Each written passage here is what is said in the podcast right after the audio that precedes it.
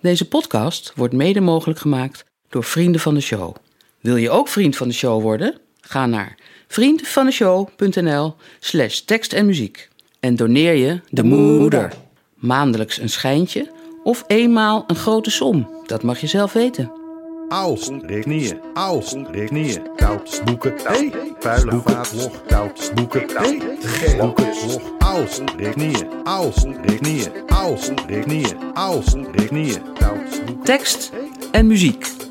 Een podcast waar muziek woorden heeft. Met Danny Daluiso en Wouter Plantijt. Danny Daluiso is podiumdichter en auteur van de spectaculaire roman Coopertest.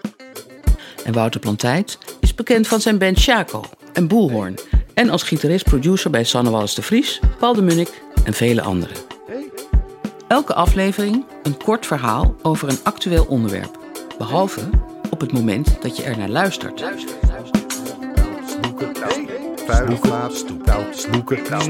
Zwaar zweten, stoep.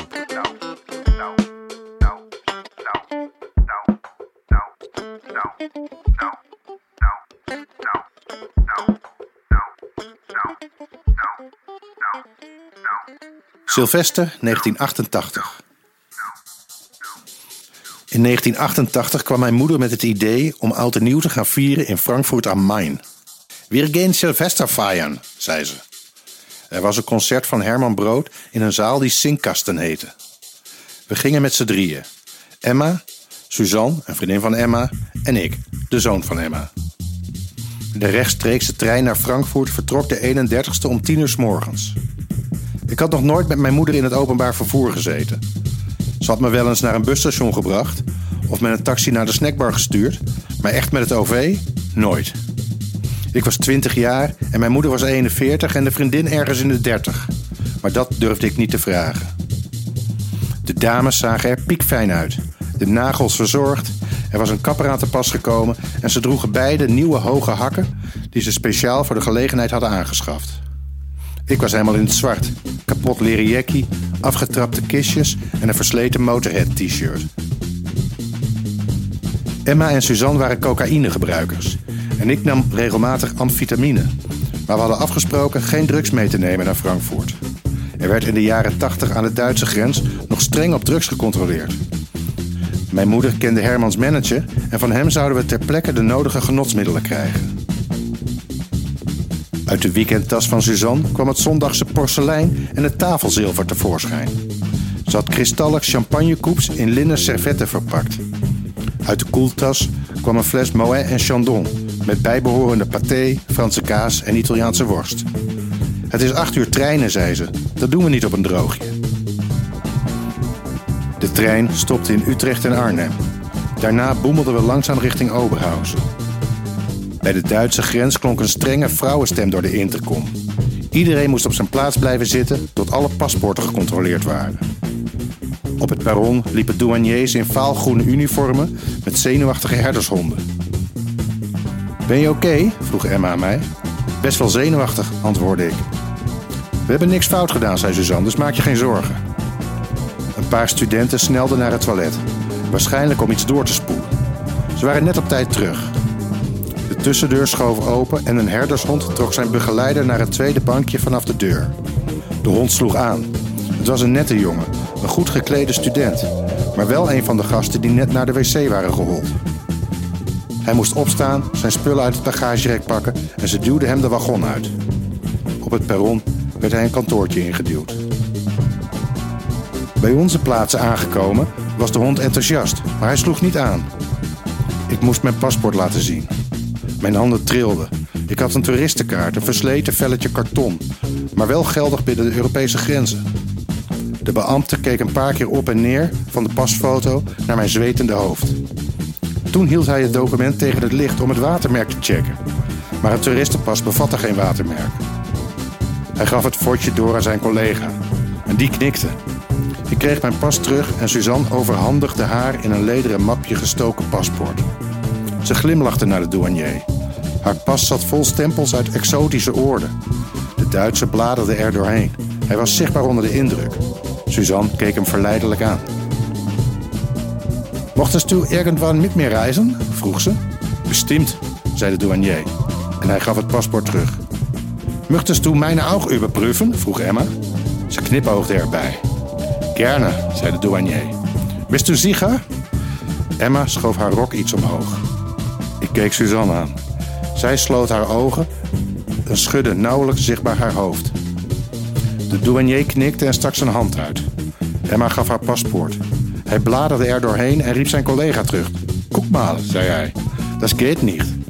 Hij hield Emma's paspoort uitgeklapt omhoog. Ze had met een viltstift haar geboortedatum veranderd. Ze had zichzelf tien jaar jonger gemaakt. Ik zuchtte en Suzanne deed een poging haar lachen in te houden. Mitkommen, zei de andere douanier. Und ihr beide auch. Suzanne pakte het servies in en we gingen de trein uit. We moesten samen in een cel wachten. Aan de betonnen wand was een houten bank geschroefd. Er was een RVS-wastafel en een bovenlicht achter tralies. Buiten vertrok de trein. Dat was oud en nieuw, zei ik. Suzanne knikte. Voor de zekerheid, zei ze. Heb je echt niks bij je? Ik maakte de veter van mijn rechterschoen los, stak mijn hand erin en trok er een boterhamzakje met speed uit. Even wegspoelen, zei Suzanne. Kan ik net zo goed nog een snuifje nemen, zei ik. Nu wegspoelen, herhaalde ze. Boven de wastafel trok ik het zakje stuk en zette de kraan open. De speed kolkte rond en werd weggezogen naar het Duitse riool. Suzanne draaide weg van de deur met het kijkgaatje en wurmde haar handen in haar BH. Onder beide borsten zat een kabouterenvelopje met cocaïne. Ze vouwde de papiertjes open en stuurde de kookte speed achterna. Met een vochtige vinger veegde ze het achtergebleven poeder op en smeerde het op haar tandvlees. Ze gaf mij het andere pakje om hetzelfde te doen. We gingen weer op het koude bankje zitten. Na een dik uur ging de stalen deur open.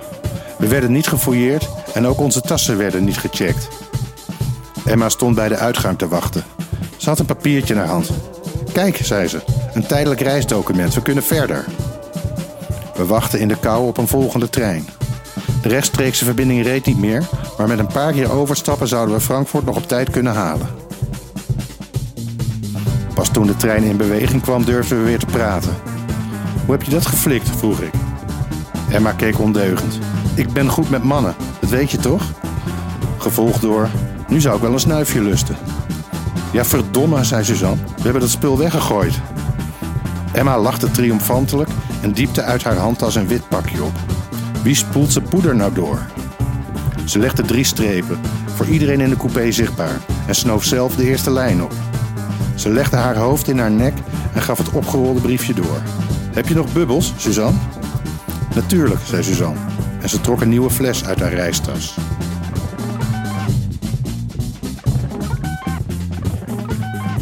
Van Frankfurt kan ik me weinig herinneren.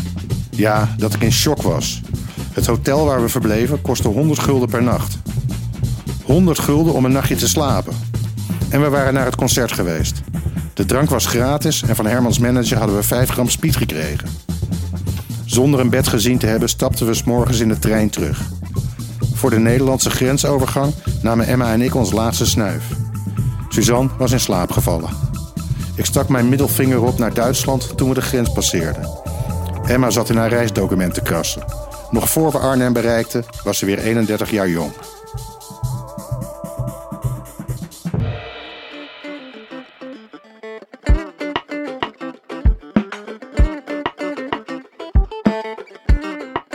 Dit was Tekst en Muziek, een podcast van Wouter Plantijd en Danny Daluiso.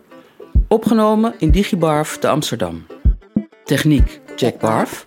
Tekst Danny Daluiso. Muziek Wouter Plantijd. Word vriend van de show? Ga naar vriendvandeshow.nl slash tekst en muziek. Heb je een vraag voor tekst en muziek? Slide een DM in ons Instagram-account. Instagram.com slash tekstmuziek. Zonder N. En zonder streepjes. Tekstmuziek. Dus. Klaar.